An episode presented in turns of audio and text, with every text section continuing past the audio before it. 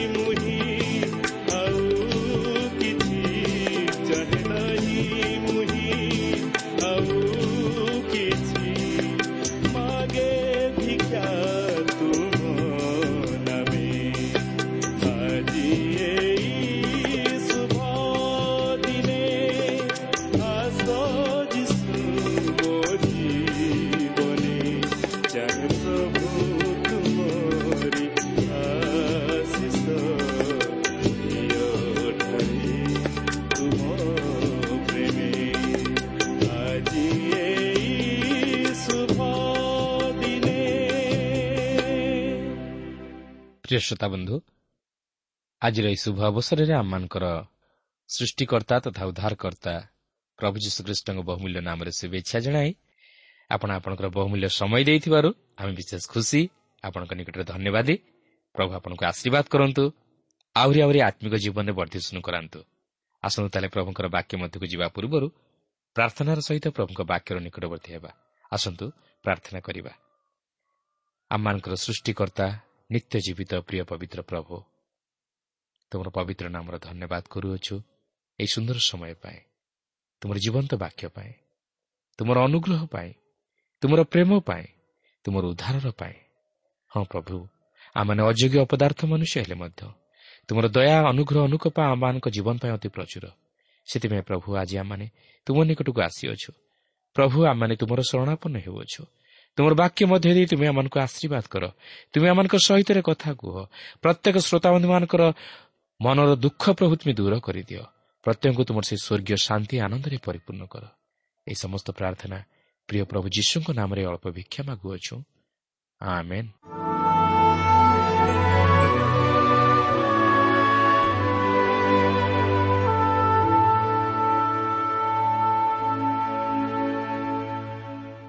ଆସନ୍ତୁ ବର୍ତ୍ତମାନ ଆମେ ପ୍ରଭୁଙ୍କର ବାକ୍ୟ ମଧ୍ୟକୁ ଯିବା। ଆଜି ଆମେ ଦ୍ୱିତୀୟ ସାମୁଏଲ ଚାରି ପର୍ବର ପ୍ରଥମ ପଦରୁ ଆରମ୍ଭ କରି ପାଞ୍ଚ ପର୍ବର ବାର ପଦ ପର୍ଯ୍ୟନ୍ତ ଅଧ୍ୟୟନ କରିବା ନିମନ୍ତେ ଯିବା। ପ୍ରଥମେ ଆମେ ଚାରି ପର୍ବରେ ଦେଖିବାକୁ ପାରିବା ଯେ ଦାଉଦ ସମସ୍ତ ଇସ୍ରାଏଲ୍ ଉପରେ ରାଜା ରୂପେ ଅଭିଯୁକ୍ତ ହେଲେ ଓ ସାଉଲଙ୍କ ପୁତ୍ର ଇସିବସତର ମୃତ୍ୟୁ ମଧ୍ୟ ଘଟିଲା। ଇସ୍ରାଏଲ୍ ଜାତି ନିମନ୍ତେ ସମସ୍ୟାର ସମୟ କ୍ରମଶଃ ଧୀରେ ଧୀରେ ବଢ଼ିବାକୁ ଲାଗିଲା। ଗୃହଯୁଦ୍ଧ ଓ ଅନ୍ତର୍ଯୁଦ୍ଧ ମଧ୍ୟ ବେଳକୁ ବେଳ ବଢ଼ି ଚାଲିଲା ଈଶ୍ୱରଙ୍କ ଲୋକମାନଙ୍କ ନିମନ୍ତେ ଅର୍ଥାତ୍ ଇସ୍ରାଏଲ୍ ସନ୍ତାନଗଣ ନିମନ୍ତେ ଏହି ସମୟ ଏକ ଘୋର ଦୁଃଖଦାୟକ ସମୟ ଥିଲା। ତେବେ ଈଶ୍ୱରଙ୍କ ବାକ୍ୟ ମଧ୍ୟରେ ଏହି ଅଂଶଟିକୁ କେହି ଗୁରୁତ୍ୱ ଦିଅନ୍ତି ନାହିଁ। ସେମାନେ କେବଳ ଏହାକୁ ଅଧ୍ୟୟନ କରି ଚାଲିଯାଆନ୍ତି। ମାତ୍ର ଏହି ଘଟଣାଟି ମୁଖ୍ୟତଃ ଦୁଇଟି କାରଣ ନିମନ୍ତେ ଏହି ଅଂଶରେ ଉପସ୍ଥାପିତ କରାଯାଇଅଛି। ପ୍ରଥମତଃ ପ୍ରଭୁ ଯୀଶୁ ଖ୍ରୀଷ୍ଟଙ୍କର ପରିବାରକୁ ଦର୍ଶାଇବା ନିମନ୍ତେ ଓ ତାହାଙ୍କର ବଂଶାବଳୀକୁ ପ୍ରଦାନ କରିବା ନିମନ୍ତେ ଦ୍ୱିତୀୟତଃ ଆମମାନଙ୍କ ନିମନ୍ତେ ଏହା ଏକ ଦୃଷ୍ଟାନ୍ତ ସ୍ୱରୂପ। ପାଉଲ ମଧ୍ୟ ଏହିପରି କହନ୍ତି ଯାହାକି ପ୍ରଥମ କରନ୍ତି ଦଶ ପର୍ବର ଏଗାର ପଦରେ ଲେଖା ଅଛି ଏହି ସମସ୍ତ ଦୃଷ୍ଟାନ୍ତ ସ୍ୱରୂପେ ସେମାନଙ୍କ ପ୍ରତି ଘଟିଲା ଆଉ ଯେଉଁମାନଙ୍କ ସମୟରେ ଯୁଗାନ୍ତ କାଳ ଉପସ୍ଥିତ ହୋଇଅଛି ଏପରି ଯେ ଆମ୍ଭେମାନେ ଆମମାନଙ୍କ ଚେତନା ନିମନ୍ତେ ସେହିସବୁ ଲେଖାଯାଇଅଛି ଏହି ବିଷୟ ଆମମାନଙ୍କ ନିକଟରେ ଉପସ୍ଥାପିତ କରାଯାଇଅଛି ଯେପରି ଆମମାନେ ଆତ୍ମିକ ଜୀବନରେ ଶିକ୍ଷାପ୍ରାପ୍ତ ହେଉ ଓ ନିଜ ନିଜକୁ ସେହି ବାକ୍ୟ ଅନୁଯାୟୀ ସୁଧାରି ନେଉ।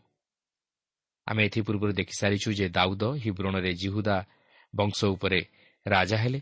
ସେହି ହିବ୍ରଣ ଦକ୍ଷିଣରେ ଅବସ୍ଥିତ ଥିଲା।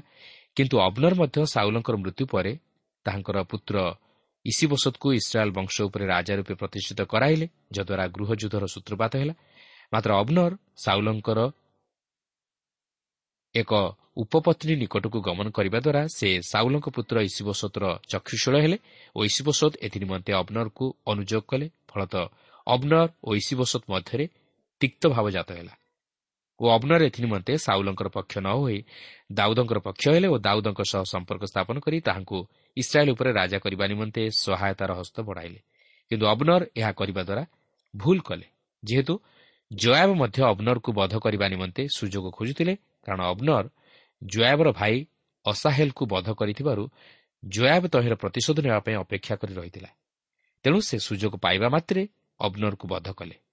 ବର୍ତ୍ତମାନ ଇସିବସତ ଅବନରକୁ ହରାଇ ବସିଲେ ଓ ତାହାଙ୍କର ସାମରିକ ବାହିନୀ ମଧ୍ୟ ଦୁର୍ବଳ ହୋଇଗଲେ। ତାଛଡ଼ା ସେ ଜାଣିଥିଲେ ଯେ ସାମରିକ ବାହିନୀ ବିନା ସେ କେବେ ହେଲେ ଦାଉଦଙ୍କର ସମ୍ମୁଖାସମ୍ମୁଖୀ ହୋଇପାରିବେ ନାହିଁ। ତେଣୁକରି ସେ ବର୍ତ୍ତମାନ କ'ଣ କରିବେ ତାହା ବୁଝିପାରୁନାହାନ୍ତି। ଦେଖନ୍ତୁ ଦ୍ୱିତୀୟ ସାମୁଏଲ ଚାରି ପର୍ବର ପ୍ରଥମ ତିନି ପଦରେ ଏହିପରି ଲେଖା ଅଛି। ଆଉ ସାଉଲଙ୍କର ପୁତ୍ର ଇସିବସତ ଯେତେବେଳେ ଶୁଣିଲା ଯେ ହିବ୍ରଣରେ ଅବନର ମରିଅଛି ସେତେବେଳେ ତାହାର ହସ୍ତ ଦୁର୍ବଳ ହେଲା ଏବଂ ସମୁଦାୟ ଇସ୍ରାଏଲ୍ ବିହୋଳ ହେଲେ। ପୁଣି ସାଉଲଙ୍କର ପୁତ୍ର ଇସିବସତର ଦୁଇ ଜଣ ଦଳପତି ଥିଲେ ଜଣଙ୍କର ନାମ ବାନା ଓ ଅନ୍ୟର ନାମ ରେଖବ। ଏମାନେ ବିନ୍ୟାମିନ୍ ବଂଶଜାତ ବେରୋତୀୟ ରିମୋଣର ପୁତ୍ର। କାରଣ ବେରୋତ ମଧ୍ୟ ବିନ୍ୟାମିନ୍ର ଅଧିକାରରେ ଗଣିତ। ମାତ୍ର ବେରୋତୀୟମାନେ ଗୀତୟମ୍କୁ ପଳାଇଲେ ଓ ସେହି ସ୍ଥାନରେ ଆଜି ପର୍ଯ୍ୟନ୍ତ ପ୍ରବାସ କରୁଅଛନ୍ତି। ଏଠାରେ ଦେଖନ୍ତୁ ବେରୋତୀୟମାନେ ସାଉଲଙ୍କ ଦ୍ୱାରା ଅତ୍ୟାଚାରିତ ହୋଇ ଗୀତୟମ୍କୁ ପଳାଇଲେ ଓ ସେଠାରେ ବସବାସ କଲେ। ବେରୋତ ସେମାନଙ୍କର ନଗର ଥିଲା ଯାହାକି ବିନ୍ୟାମିନ୍ର ଅଧିକାର ମଧ୍ୟକୁ ଗଲା। ଏହାପରେ ଚାରିପର୍ବର ଚାରିପଦରେ ଆମେ ମଫିବସତର ପରିଚୟ ପାଉଅଛୁ ଯେ କି ସାଉଲଙ୍କ ପୁତ୍ର ଜୋନାଥନର ପୁତ୍ର। ମାତ୍ର ସେ ଛୋଟା ଥିଲା। ଅନ୍ୟ ଅର୍ଥରେ କହିବାକୁ ଗଲେ ମଫିବସତ ସାଉଲଙ୍କର ନାତି ଥିଲା। କିନ୍ତୁ ଦାଉଦ ଓ ଏହି ମଫିବସତର କାହାଣୀଟି ଅତି ଚମତ୍କାର ଓ ହୃଦୟସ୍ପର୍ଶୀ। ଏଥିପୂର୍ବରୁ ଆମେ ଦେଖିଥିଲୁ ଯେ ଦାଉଦ ଓ ଜୋନାଥନ ପରସ୍ପର ନିୟମ କରିଥିଲେ ଓ ଦାଉଦ ଜୋନାଥନର ବଂଶ ପ୍ରତି ଦୟା ପ୍ରଦର୍ଶନ କରିବ ବୋଲି କହିଥିଲେ। କାରଣ ଜୋନାଥନ ଓ ଦାଉଦ ଅତି ଘନିଷ୍ଠ ବନ୍ଧୁ ଥିଲେ ଓ ଜୋନାଥନ ଦାଉଦଙ୍କୁ ସାଉଲଙ୍କ ହସ୍ତରୁ ମଧ୍ୟ ରକ୍ଷା କରିଥିଲେ। ତେଣୁ ସେହି ନିୟମକୁ ସ୍ମରଣ କରି ଦାଉଦ ଜୋନାଥନର ପୁତ୍ର ମଫିବସୋଦକୁ ସୁରକ୍ଷା ପ୍ରଦାନ କରିଥିଲେ। ପରେ ମଧ୍ୟ ଆମେ ଦେଖିବାକୁ ପାରିବା ଯେ ଦାଉଦ ସାଉଲ ଓ ଜୋନାଥନଙ୍କର ପରିବାର ପ୍ରତି ଦୟା କରିଥିଲେ। ସେ ସେମାନଙ୍କୁ ବଧ ନ କରି ସେମାନଙ୍କ ପ୍ରତି ଦୟା ଦେଖାଇଥିଲେ। ଆପଣ ଦେଖନ୍ତୁ ଏହି ମଫିବସୋଦ ଯିଏକି ଏକ ଛୋଟା ମଧ୍ୟ ଥିଲା ସେ ଦାଉଦଙ୍କ ସହିତ ତାହାଙ୍କ ମେଜରେ ବସି ଭୋଜନ କରିବା ନିମନ୍ତେ ସୁଯୋଗ ପାଇଥିଲା ଓ ଦାଉଦ ତାହା ପ୍ରତି ବିଶେଷ ଦୃଷ୍ଟି ଦେଇଥିଲେ। ସେ ତାହାର ଯତ୍ନ ମଧ୍ୟ ନେଇଥିଲେ ଓ ତାହାକୁ ସୁରକ୍ଷା ପ୍ରଦାନ କରିଥିଲେ। ଏହାପରେ ଚାରିପର୍ବର ପାଞ୍ଚ ଓ ଛଅ ପଦରେ ଆମେ ଦେଖୁ ଯେ ଇସିବସତର ହତ୍ୟାକାରୀ ଏହି ଦୁଇ ଜଣ ରେଖବ ଓ ବାନା ଥିଲେ। ଏମାନେ ବେରୋତୀୟ ରିମଣର ପୁତ୍ର ଥିଲେ। ଯେତେବେଳେ ସେମାନେ ଜାଣିବାକୁ ପାରିଲେ ଯେ ଅବନରର ମୃତ୍ୟୁ ଘଟିଲା ସେତେବେଳେ ସେମାନେ ଦାଉଦଙ୍କର ବଳ ଓ ପରାକ୍ରମକୁ ଓ ତାହାଙ୍କର କ୍ଷମତାକୁ ଚିନ୍ତା କରି ତାହାଙ୍କର ପ୍ରିୟ ପାତ୍ର ହୋଇ ରହିବା ନିମନ୍ତେ ଇସିବସୋଦକୁ ଅତି ନୃଶଂସ ଭାବେ ହତ୍ୟା କଲେ। ଏହା ଅତି ଜଘନ୍ୟ ଅପରାଧ ଥିଲା। ସେମାନେ ଯେଉଁ ଉଦ୍ଦେଶ୍ୟ ନେଇ ଇସିବସୋଦକୁ ହତ୍ୟା କଲେ ତହିଁର ବିପରୀତ ଘଟିଲା। ସେମାନେ ଦାଉଦଙ୍କର ପ୍ରିୟପାତ୍ର ହୋଇ ରହିବାକୁ ଚାହିଁଥିଲେ ମାତ୍ର ତାହା ସମ୍ଭବ ହେଲା ନାହିଁ। ସେମାନେ ଭାବିଥିଲେ ଯେ ଦାଉଦ ସେହି କାର୍ଯ୍ୟ ନିମନ୍ତେ ତାହାଙ୍କୁ ପୁରସ୍କୃତ କରିବ ବୋଲି ମାତ୍ର ତହିଁର ବିପରୀତ ଘଟିଲା। ଚାରିପର୍ବର ସାତ ଓ ଆଠ ପଦରେ ଆମେ ଦେଖୁ ଯେ ସେମାନେ ସାଉଲଙ୍କ ପୁତ୍ର ଇସିବସୋଦକୁ ବଧ କରି ତାହାର ମସ୍ତକ ଆଣି ଦାଉଦ ରାଜାକୁ ଦେଉଛନ୍ତି। ଅନୁମାନ କରନ୍ତୁ ଦାଉଦଙ୍କର ମନର ପ୍ରତିକ୍ରିୟା କିପରି ହୋଇଥିବ। ଆପଣ ଭାବୁଥିବେ ଯେ ଦାଉଦ ବୋଧହୁଏ ଖୁସି ହୋଇଯାଇଥିବେ। ମାତ୍ର ଦାଉଦ ତହିଁରେ ଖୁସି ନଥିଲେ। ସେ ତାହା ମଧ୍ୟ ଚାହୁଁନଥିଲେ କି ସେ ସେମାନଙ୍କର ଏହିପରି ନୃଶଂସ କାର୍ଯ୍ୟରେ ନିଜର ସମ୍ମତି ପ୍ରଦାନ କରିନଥିଲେ। ଦାଉଦ କେବେ ହେଲେ ଏହିପରି କାର୍ଯ୍ୟକୁ ପ୍ରଶ୍ରୟ ଦେଉନଥିଲେ। କାରଣ ଏଥିପୂର୍ବରୁ ମଧ୍ୟ ଆମେ ଦେଖିଥିଲୁ ଯେ ସଦାପ୍ରଭୁଙ୍କର ଅଭିଷିକ୍ତଙ୍କ ବିରୁଦ୍ଧରେ ହସ୍ତ ଉଠାଇବାକୁ ସେ ପସନ୍ଦ କରୁନଥିଲେ। ଏପରିକି ସେ ସେହି ଅମାଲିକୀୟ ଯୁବାକୁ ମଧ୍ୟ ବଧ କରିଥିଲେ। ଯେତେବେଳେ ସେ ସାଉଲଙ୍କୁ ବଧ କରି ସେହି ସମ୍ବାଦ ଆଣି ଦାଉଦଙ୍କୁ ଦେଲା ଦାଉଦ ତାହା ସହ୍ୟ କରିପାରିନଥିଲେ। ଦେଖନ୍ତୁ ଏହି ଚାରିପର୍ବର ନଅ ଦଶ ପଦରେ ଆମେ ଲକ୍ଷ୍ୟ କରୁ ଯାହାକି ଦାଉଦ ସେମାନଙ୍କୁ ଅର୍ଥାତ୍ ସେହି ରେଖବ ବାନାଙ୍କୁ ଉତ୍ତର ଦିଅନ୍ତି। ଦାଉଦ ଏଠାରେ ସ୍ପଷ୍ଟ କରିଦିଅନ୍ତି ଯେ ସାଉଲଙ୍କୁ ବଧ କରିବା ଦ୍ୱାରା ସେହି ଅମାଲିକୀୟ ଯୁବା ପ୍ରତି ଦାଉଦ ଯେପରି କଲେ ସେହି ଇସିବୋସତକୁ ହତ୍ୟା କରିଥିବା ଲୋକମାନଙ୍କ ପ୍ରତି ମଧ୍ୟ ସେହିପରି ଘଟିବ। ସେମାନେ ମଧ୍ୟ ତହିଁର ପ୍ରତିଫଳ ଭୋଗ କରିବେ। ଚାରିପର୍ବର ଏଗାର ପଦରେ ଆମେ ଦେଖୁ ଯେ ଦାଉଦଙ୍କର ମନୋଭାବ। ସେ ଚାହୁଁନଥିଲେ ସଦାପ୍ରଭୁଙ୍କ ଅଭିଷିକ୍ତଙ୍କ ପ୍ରତି କିମ୍ବା ତାହାଙ୍କର ପରିବାର ପ୍ରତି କେହି ହସ୍ତ ଉଠାଉ। ଇସିବସତ ଯଦିଓ ଇସ୍ରାଏଲ୍ ଉପରେ ରାଜା ହୋଇଥିଲେ ମାତ୍ର ଦାଉଦ ତାହାଙ୍କର ମୃତ୍ୟୁ ଚାହୁଁନଥିଲେ। କି ସେ ତାହାଙ୍କ ପ୍ରତି ହିଂସା କରୁନଥିଲେ। ସେ ସଦାପ୍ରଭୁଙ୍କ ଉପରେ ବିଶ୍ୱାସ ସ୍ଥାପନ କରିଥିଲେ। ସେ ଯଦିଓ ଇସ୍ରାଏଲ୍ ଉପରେ ରାଜପଦରେ ଅଭିଷିକ୍ତ ହୋଇଥିଲେ ମାତ୍ର ସେ ତହି ନିମନ୍ତେ ଲାଳାୟିତ ନଥିଲେ ମାତ୍ର ପ୍ରଭୁଙ୍କର ଚାଳନାକୁ ଅପେକ୍ଷା କରିଥିଲେ। ଏପରିକି ସେ ସେହି ହିବ୍ରଣକୁ ଆସିବା ନିମନ୍ତେ ପ୍ରଭୁଙ୍କର ଚାଳନା ଲୋଡ଼ିଥିଲେ ଓ ପ୍ରଭୁଙ୍କର ଚାଳନା ଅନୁଯାୟୀ ହିବ୍ରଣକୁ ଆସି ଜିହୁଦା ବଂଶ ଉପରେ ରାଜା ହେଲେ। ସେ ମଧ୍ୟ ସେହିପରି ଭାବେ ଈଶ୍ୱରଙ୍କର ନିରୂପିତ ଯୋଜନା ଅନୁଯାୟୀ ଇସ୍ରାଏଲ୍ ଉପରେ ରାଜତ୍ୱ କରିବାକୁ ଯାଉଅଛନ୍ତି ଓ ଇସ୍ରାଏଲ୍ ଉପରେ ରାଜା ହେବାକୁ ଯାଉଅଛନ୍ତି। ଚାରିପର୍ବର ବାର ପଦରେ ଆମେ ଦେଖୁ ଯେ ରେଖବ ବାନା ଖୁଣିଥିଲେ ସେମାନେ ଜଣେ ରାଜାଙ୍କୁ ବଧ କଲେ। ଦାଉଦ ମଧ୍ୟ ଏହି କର୍ମ ସକାଶୁ ସେମାନଙ୍କୁ ବଧ କରି ସେମାନଙ୍କର ହାତ ଓ ପାଦକୁ ଛେଦନ କରି ଟଙ୍ଗାଇ ଦେଲେ ଯେପରି ସମସ୍ତେ ଏହା ଦେଖି ଭୟ କରିବେ ଓ ଏହିପରି ନୃଶଂସ କାର୍ଯ୍ୟରୁ ନିଜକୁ ପୃଥକ ରଖିବେ। ଉତ୍ତର ରାଜ୍ୟର ଅନ୍ୟ ଏକାଦଶ ଗୋଷ୍ଠୀ ଅର୍ଥାତ୍ ଇସ୍ରାଏଲ୍ ବର୍ତ୍ତମାନ ନିଜକୁ ନେତୃତ୍ୱବିହୀନ ବୋଲି ଚିନ୍ତା କରି କୌଣସି ପ୍ରକାର ବିଦ୍ରୋହ କଲେ ନାହିଁ ମାତ୍ର ସେମାନେ ଦାଉଦଙ୍କ ସହିତ ଶାନ୍ତି ପ୍ରତିଷ୍ଠା କରିବାକୁ ଚାହିଁଲେ। ଦେଖନ୍ତୁ ଈଶ୍ୱରଙ୍କର ମହତ ଯୋଜନା କିପରି ସଫଳ ହେବାକୁ ଯାଉଅଛି। ଯେହେତୁ ଦାଉଦ ଈଶ୍ୱରଙ୍କର ମନୋନମତ ଥିଲେ ଓ ଈଶ୍ୱର ଦାଉଦଙ୍କୁ ଇସ୍ରାଏଲ୍ ଉପରେ ରାଜାଭିଷିକ୍ତ କରିଥିଲେ ଯଦିଓ ତାହା ସିଧାସଳଖ ସାଧିତ ହୋଇନଥିଲା ମାତ୍ର ତାହା ଏହିପରି ଭାବେ ବିଭିନ୍ନ ପ୍ରକାର ସ୍ତର ଦେଇ ବା ଅନୁଭୂତି ମଧ୍ୟ ଦେଇ ସାଧିତ ହୋଇଥିଲା ଯେପରି ଦାଉଦଙ୍କ ରାଜ୍ୟ ସ୍ଥିର ହେବାକୁ ପାରେ ଓ ସେ ଏକ ଦକ୍ଷ ଶାସକ ହୋଇପାରନ୍ତି। ଦେଖନ୍ତୁ ରେଖବ ଓ ବାନା ସେମାନଙ୍କ କର୍ମର ସମୁଚିତ ଫଳ ଭୋଗ କଲେ। ସେମାନେ ଯାହା ଭାବୁଥିଲେ ତାହାର ବିପରୀତ ଘଟିଲା। ସେମାନେ ଯେଉଁପରି ଭାବେ ଜଣେ ନିରୀହ ବ୍ୟକ୍ତିକୁ ହତ୍ୟା କରିଥିଲେ ସେମାନଙ୍କୁ ମଧ୍ୟ ସେହିପରି ହତ୍ୟା କରାଗଲା। ଏଠାରେ ଆମେ ଦାଉଦଙ୍କର ନ୍ୟାୟପରାୟଣତାର ଜୀବନକୁ ଦେଖୁଅଛୁ। ସେ ଚାହିଁଥିଲେ ରେଖବ ବାନାକୁ ସେହି କାର୍ଯ୍ୟ ନିମନ୍ତେ ଖୁସି ହୋଇ ପୁରସ୍କୃତ କରିପାରିଥାନ୍ତେ। ମାତ୍ର ସେ ତହିଁରେ ଖୁସି ନଥିଲେ କାରଣ ତାହା ଅନ୍ୟାୟ ଥିଲା। ତାଛଡ଼ା ଏପରି କର୍ମ ମଧ୍ୟ ଈଶ୍ୱରଙ୍କ ଦୃଷ୍ଟିରେ ଗ୍ରହଣଯୋଗ୍ୟ ନଥିଲା। ତେଣୁକରି ଦାଉଦ ଯେଉଁ ପଦକ୍ଷେପ ନେଇଥିଲେ ତାହା ଉଚିତ ଥିଲା। ପ୍ରିୟ ବନ୍ଧୁ ଅନେକ ସମୟରେ ଆମେ ପ୍ରତିହିଂସା ପରାୟଣ ହେଉ। ଆମେ ନିଜକୁ ନିଜେ ସିଦ୍ଧାନ୍ତ ନେଇ ଈଶ୍ୱରଙ୍କ ଇଚ୍ଛା ବିରୁଦ୍ଧ କାର୍ଯ୍ୟ କରୁ ଅନ୍ୟାୟକୁ ସମର୍ଥନ କରୁ। କିନ୍ତୁ ଦାଉଦ ସେପରି କରିନଥିଲେ। ସେ ଅନ୍ୟାୟକୁ ସମର୍ଥନ କରିନଥିଲେ। କିମ୍ବା ସେ ସେହି ରାଜପଦ ପାଇବା ନିମନ୍ତେ ଲାଳାୟିତ ହୋଇ ଈଶ୍ୱରଙ୍କର ଇଚ୍ଛା ବିରୁଦ୍ଧରେ ଯାଇନଥିଲେ। ମାତ୍ର ପ୍ରତି ଅବସ୍ଥାରେ ଈଶ୍ୱରଙ୍କ ଇଚ୍ଛା ଲୋଡ଼ି କାର୍ଯ୍ୟ କରୁଥିଲେ। ଚିନ୍ତା କରନ୍ତୁ ସେ କ'ଣ ଚାହିଁଥିଲେ ସିଧାସଳଖ ଯାଇ ଇସ୍ରାଏଲ୍ ଉପରେ ରାଜା ହୋଇପାରିନଥାନ୍ତେ? ମାତ୍ର ସେ ତାହା କଲେ ନାହିଁ। ଯଦିଓ ଈଶ୍ୱର ତାହାଙ୍କୁ ରାଜାଭିଷିକ୍ତ କରିଥିଲେ ମାତ୍ର ସେ ତାହା ଜୋର ଜବରଦସ୍ତି ଅଧିକାର କରିବାକୁ ଚାହିଁନଥିଲେ କି କୌଣସି କୂଟ ଚକ୍ରାନ୍ତ କରିନଥିଲେ। ମାତ୍ର ସେ ସମ୍ପୂର୍ଣ୍ଣ ଈଶ୍ୱରଙ୍କଠାରେ ବିଶ୍ୱାସ କରି ଈଶ୍ୱରଙ୍କର ଚାଳନାକୁ ଅପେକ୍ଷା କରୁଥିଲେ। ସେ ନିଜ ଇଚ୍ଛାରେ କୌଣସି କାର୍ଯ୍ୟ କରିନଥିଲେ କିମ୍ବା ଅନ୍ୟାୟର ଆଶ୍ରୟ ନେଇନଥିଲେ କିମ୍ବା ମନୁଷ୍ୟ ଉପରେ ନିର୍ଭର କରିନଥିଲେ।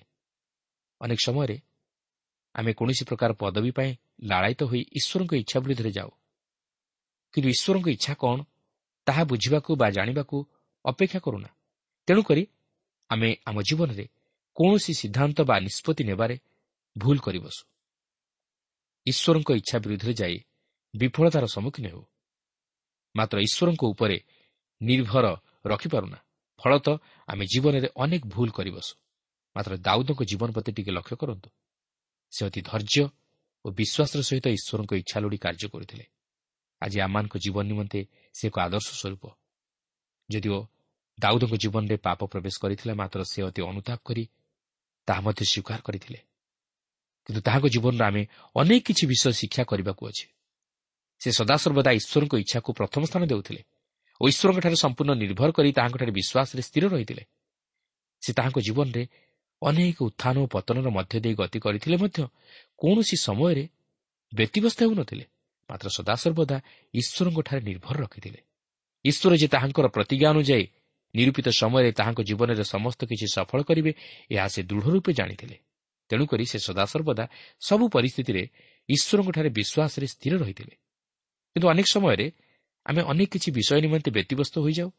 ଈଶ୍ୱରଙ୍କର ନିରୂପିତ ସମୟ ପର୍ଯ୍ୟନ୍ତ ଆମେ ଧୈର୍ଯ୍ୟ ଧରି ପାରୁନା। ଈଶ୍ୱରଙ୍କ ପ୍ରତିଜ୍ଞା ଯେପରି ସଙ୍ଗେ ସଙ୍ଗେ ଆମ ଜୀବନରେ ସଫଳ ହେବାକୁ ପାରେ ଓ ଈଶ୍ୱର ଯେପରି ସଙ୍ଗେ ସଙ୍ଗେ ଆମ ପ୍ରାର୍ଥନାର ଉତ୍ତର ଦିଅନ୍ତି ଏହା ଆମମାନେ ଆଶା କରୁ। କିନ୍ତୁ ଈଶ୍ୱରଙ୍କ ଯୋଜନା ଓ ଚିନ୍ତାଧାରା ଆମମାନଙ୍କର ଯୋଜନା ବା ଚିନ୍ତାଧାରାଠାରୁ ସମ୍ପୂର୍ଣ୍ଣ ଭିନ୍ନ। ଯଦି ଆମେ ଧୈର୍ଯ୍ୟ ଓ ବିଶ୍ୱାସର ସହିତ ତାହାଙ୍କ ପ୍ରତିଜ୍ଞା ଉପରେ ନିର୍ଭର କରି ତହିଁରେ ସ୍ଥିର ରହୁ ଓ ପ୍ରତି ଅବସ୍ଥାରେ ଈଶ୍ୱରଙ୍କ ଇଚ୍ଛା ଲୋଡ଼ି କାର୍ଯ୍ୟ କରୁ ତାହେଲେ ଆମେ ଜୀବନର ପ୍ରତ୍ୟେକ କ୍ଷେତ୍ରରେ ସଫଳତା ଲାଭ କରିବା ସଙ୍ଗେ ସଙ୍ଗେ ଈଶ୍ୱରଙ୍କର ଉଦ୍ଦେଶ୍ୟକୁ ସଫଳ କରିପାରିବା ଓ ଈଶ୍ୱରଙ୍କ ଆଶୀର୍ବାଦର ଅଧିକାରୀ ହୋଇପାରିବା।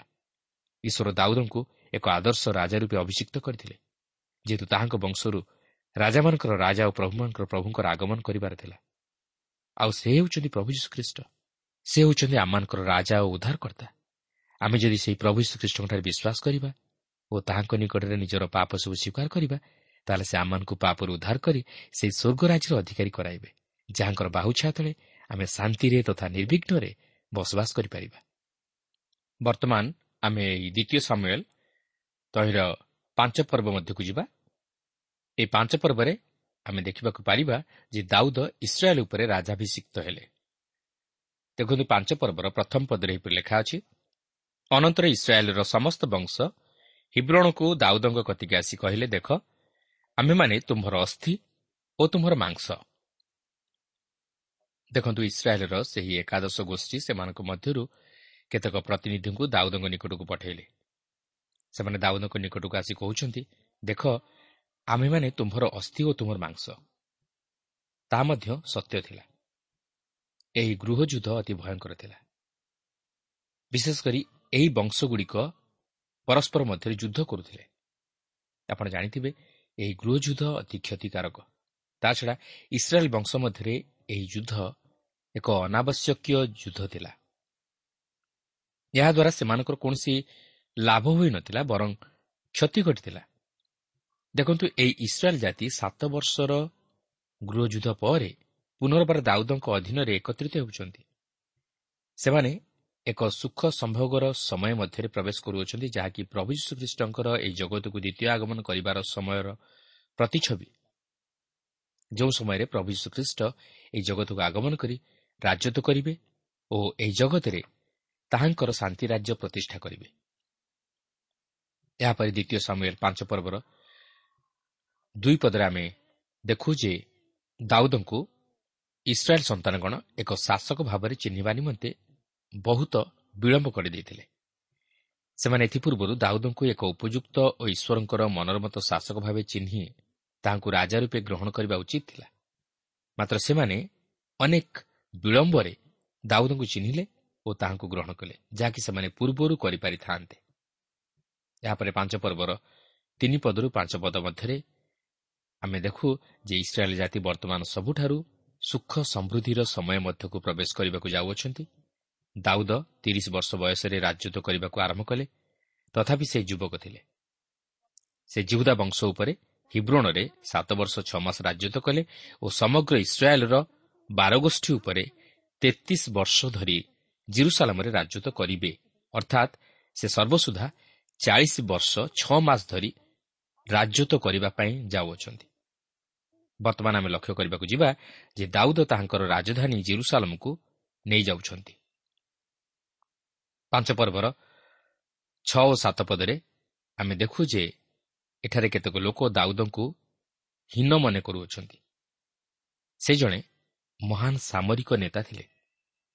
ଜଣେ ରାଜନୀତିଜ୍ଞ ଦଳର ନେତା ଓ ଜଣେ ରାଜା ଓ ଅନ୍ୟ ସମସ୍ତ ଈଶ୍ୱରଙ୍କ ଲୋକମାନଙ୍କ ଅପେକ୍ଷା ସେ ଅତି ଉତ୍ତମ ଥିଲେ।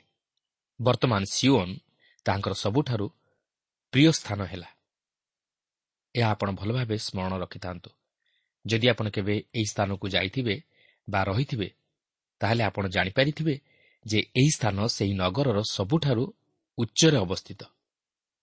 ପ୍ରକୃତରେ ଦାଉଦଙ୍କ ସମୟରେ ଜିରୁସାଲମ କିଦ୍ରୋଣ ଉପତ୍ୟକାର ନିକଟରେ ଅବସ୍ଥିତ ଥିଲା ଓ ଏହା ଏକ ପ୍ରାଚୀର ବେଷ୍ଟିତ ନଗର ଥିଲା।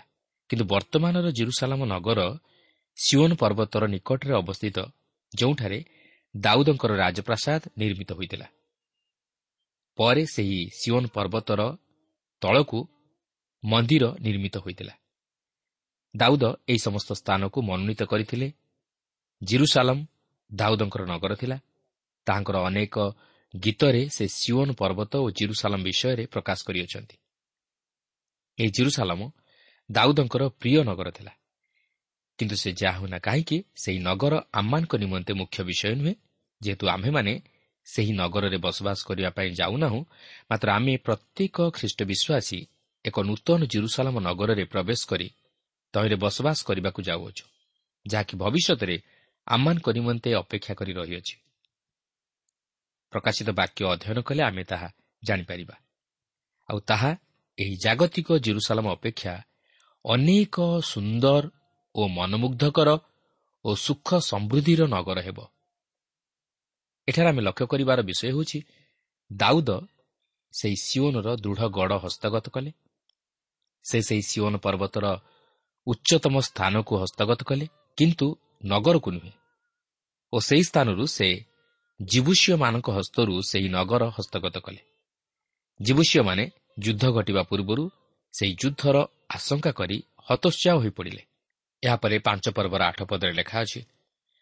ପୁଣି ଦାଉଦ ସେହିଦିନ କହିଲେ ଯେ କେହି ଜୀବୁଷୀୟମାନଙ୍କୁ ବଧ କରେ ସେ ଜଳ ପ୍ରଣାଳୀ କି ଯାଇ ଦାଉଦ ପ୍ରାଣର ଘୃଣିତ ସେହି ଛୋଟା ଓ ଅନ୍ଧମାନଙ୍କୁ ବଧ କରୁ। ଏତୁ ଲୋକେ କହନ୍ତି ଅନ୍ଧ ଓ ଛୋଟାମାନେ ସେଠାରେ ଅଛନ୍ତି। ସେ ଘର ଭିତରକୁ ଆସିପାରିବ ନାହିଁ।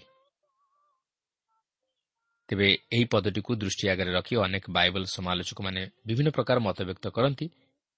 କେହି କେହି କହନ୍ତି ଯୁବୁଷୀୟମାନଙ୍କର ବିଦ୍ରୁପର ବାକ୍ୟ ପ୍ରତି ଏହା ଥିଲା ଦାଉଦଙ୍କର ପ୍ରତ୍ୟୁତ୍ତର ଆଉ କେହି କେହି ବିଶ୍ୱାସ କରନ୍ତି ଯେ ଏହାର ଗଭୀର ଅର୍ଥ ଅଛି। ଯେହେତୁ ଧର୍ମଶାସ୍ତ୍ର ଏହାକୁ ସ୍ପଷ୍ଟୀକରଣ କରେ ନାହିଁ ତେଣୁକରି ଆମେ ଏହାର ପ୍ରକୃତ ଅର୍ଥକୁ ଜାଣିବା ମଧ୍ୟ କଷ୍ଟକର। ଏହାପରେ ପାଞ୍ଚ ପର୍ବର ନଅ ପଦରେ ଏହିପରି ଲେଖା ଅଛି ଅନନ୍ତର ଦାଉଦ ସେହି ଦୃଢ଼ ଗଡ଼ରେ ବାସ କରି ତାହାର ନାମ ଦାଉଦ ନଗର ରଖିଲେ। ଆଉ ଦାଉଦ ମିଲ୍ଲୋଠାରୁ ଭିତର ଆଡ଼େ ଚତୁର୍ଦିଗରେ ଗୃହାଦି ନିର୍ମାଣ କଲେ। ଦାଉଦ ପ୍ରଥମେ ସିଓନ ପର୍ବତକୁ ହସ୍ତଗତ କରି ତାହାକୁ ନିଜର ଗଡ଼ ରୂପେ ପ୍ରତିଷ୍ଠିତ କଲେ ଓ ଏହାପରେ ସେ ନଗର ହସ୍ତଗତ କଲେ। ଏହାପରେ ପାଞ୍ଚ ପର୍ବର ଦଶ ପଦରୁ ବାର ପଦ ମଧ୍ୟରେ ଲେଖା ଅଛି ଆଉ ସଦାପ୍ରଭୁ ସୈନ୍ୟାଧିପତି ପରମେଶ୍ୱର ଦାଉଦଙ୍କର ସହାୟ ହେବାରୁ ସେ ଆହୁରି ଆହୁରି ମହାନ ହେଲେ। ଅନନ୍ତର ସ୍ୱରର ରାଜା ହିରମ ଦାଉଦଙ୍କ ନିକଟକୁ ଦୂତଗଣ ଓ ଏରସ କାଠ ଓ ବଢ଼େଇ ଓ ରାଜମିସ୍ତ୍ରୀମାନଙ୍କୁ ପଠାଇଲା ତହିଁରେ ସେମାନେ ଦାଉଦଙ୍କ ନିମନ୍ତେ ଗୃହ ନିର୍ମାଣ କଲେ। ତହିଁରେ ସଦାପ୍ରଭୁ ଦାଉଦଙ୍କୁ ଇସ୍ରାଏଲର ରାଜପଦରେ ସ୍ଥିର କଲେ ଓ ଆପଣା ଇସ୍ରାଏଲ ଲୋକଙ୍କ ସକାଶୁ ତାଙ୍କ ରାଜ୍ୟ ଉନ୍ନତ କଲେ ଏହା ସେ ବୁଝିଲେ। ଦେଖନ୍ତୁ ଦାଉଦ ମହାନ ହେଲେ ଓ ଈଶ୍ୱର ମଧ୍ୟ ତାଙ୍କର ସହବର୍ତ୍ତୀ ହେଲେ। ଏପରିକି ସ୍ୱରର ରାଜା ହିରମ ଦାଉଦଙ୍କର ଦକ୍ଷତାକୁ ଓ ତାଙ୍କର ଅଖଣ୍ଡ କ୍ଷମତାକୁ ଦେଖି ତାଙ୍କ ନିମନ୍ତେ ରାଜପ୍ରାସାଦ ନିର୍ମାଣ କରିବା ପାଇଁ ସାମଗ୍ରୀ ଓ କାରିଗରମାନଙ୍କୁ ମଧ୍ୟ ଯୋଗାଇଲେ। ଦେଖନ୍ତୁ ଈଶ୍ୱର କିପରି ଦାଉଦଙ୍କ ନିମନ୍ତେ ଆଶ୍ଚର୍ଯ୍ୟ ଭାବରେ ସାହାଯ୍ୟ ପ୍ରେରଣ କରୁଅଛନ୍ତି। ଏହାର କେବଳ ଗୋଟିଏ ମାତ୍ର ରହସ୍ୟ ହେଉଛି ଦାଉଦଙ୍କର ଈଶ୍ୱରଙ୍କ ଉପରେ ସମ୍ପୂର୍ଣ୍ଣ ନିର୍ଭରଶୀଳତାର ଜୀବନ ସମର୍ପିତର ଜୀବନ ଓ ବିଶ୍ୱାସର ଜୀବନ ଲାଗି।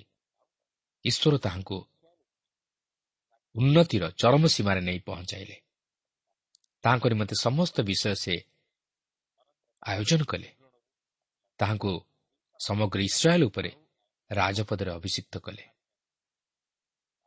ପ୍ରଭୁଙ୍କର ଆଶୀର୍ବାଦ ହିଁ ମନୁଷ୍ୟକୁ ଏହି ପ୍ରକାର ଧନ ସମ୍ଭ୍ରମରେ ପରିପୂର୍ଣ୍ଣ କରେ ତେଣୁ ଆସୁ ଜୀବନର ପ୍ରତି ଅବସ୍ଥାରେ ପ୍ରତି ସମୟରେ ଏବଂ ପ୍ରତିଟି ପରିସ୍ଥିତିରେ ଯେପରି ଆମେ ଈଶ୍ୱରଙ୍କର ଇଚ୍ଛା ଉପରେ ନିର୍ଭର କରି ତାହାଙ୍କଠାରେ ସମ୍ପୂର୍ଣ୍ଣ ସମର୍ପିତ ଜୀବନଯାପନ କରି ତାହାଙ୍କର ଇଚ୍ଛା ଅନୁମୋଦିତ କାର୍ଯ୍ୟ କରୁ ତାହେଲେ ପ୍ରଭୁ ଆମମାନଙ୍କୁ ନିଶ୍ଚିତ ଭାବରେ ମହିମାନ୍ୱିତ କରିବେ। ପ୍ରଭୁ ପ୍ରତ୍ୟେକଙ୍କୁ ଏହି ସଂକ୍ଷିପ୍ତ ଆଲୋଚନା ମଧ୍ୟ ଦେଇ ଆଶୀର୍ବାଦ କରନ୍ତୁ।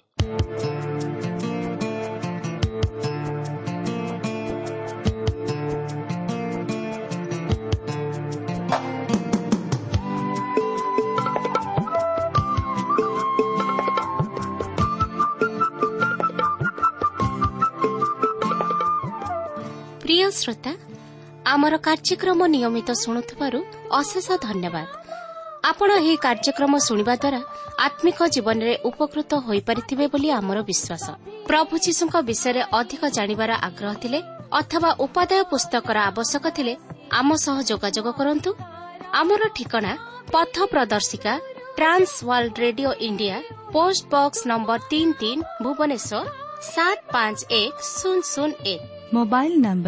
nine seven double seven double two one four one five ଠିକଣାଟି ଆଉଥରେ ଶୁଣନ୍ତୁ। ପଥ ପ୍ରଦର୍ଶିକା transworld radio India post box number three three Bhubaneswar seven five one zero zero one mobile number nine seven double seven double two one four one five ଆମର email ଆଡ୍ରେସ୍ଟି ଲେଖି ରଖନ୍ତୁ Odia TTV at radio eight eight two dot com ତେବେ ଆଜି ପାଇଁ ବିଦାୟ ଦିଅନ୍ତୁ ନମସ୍କାର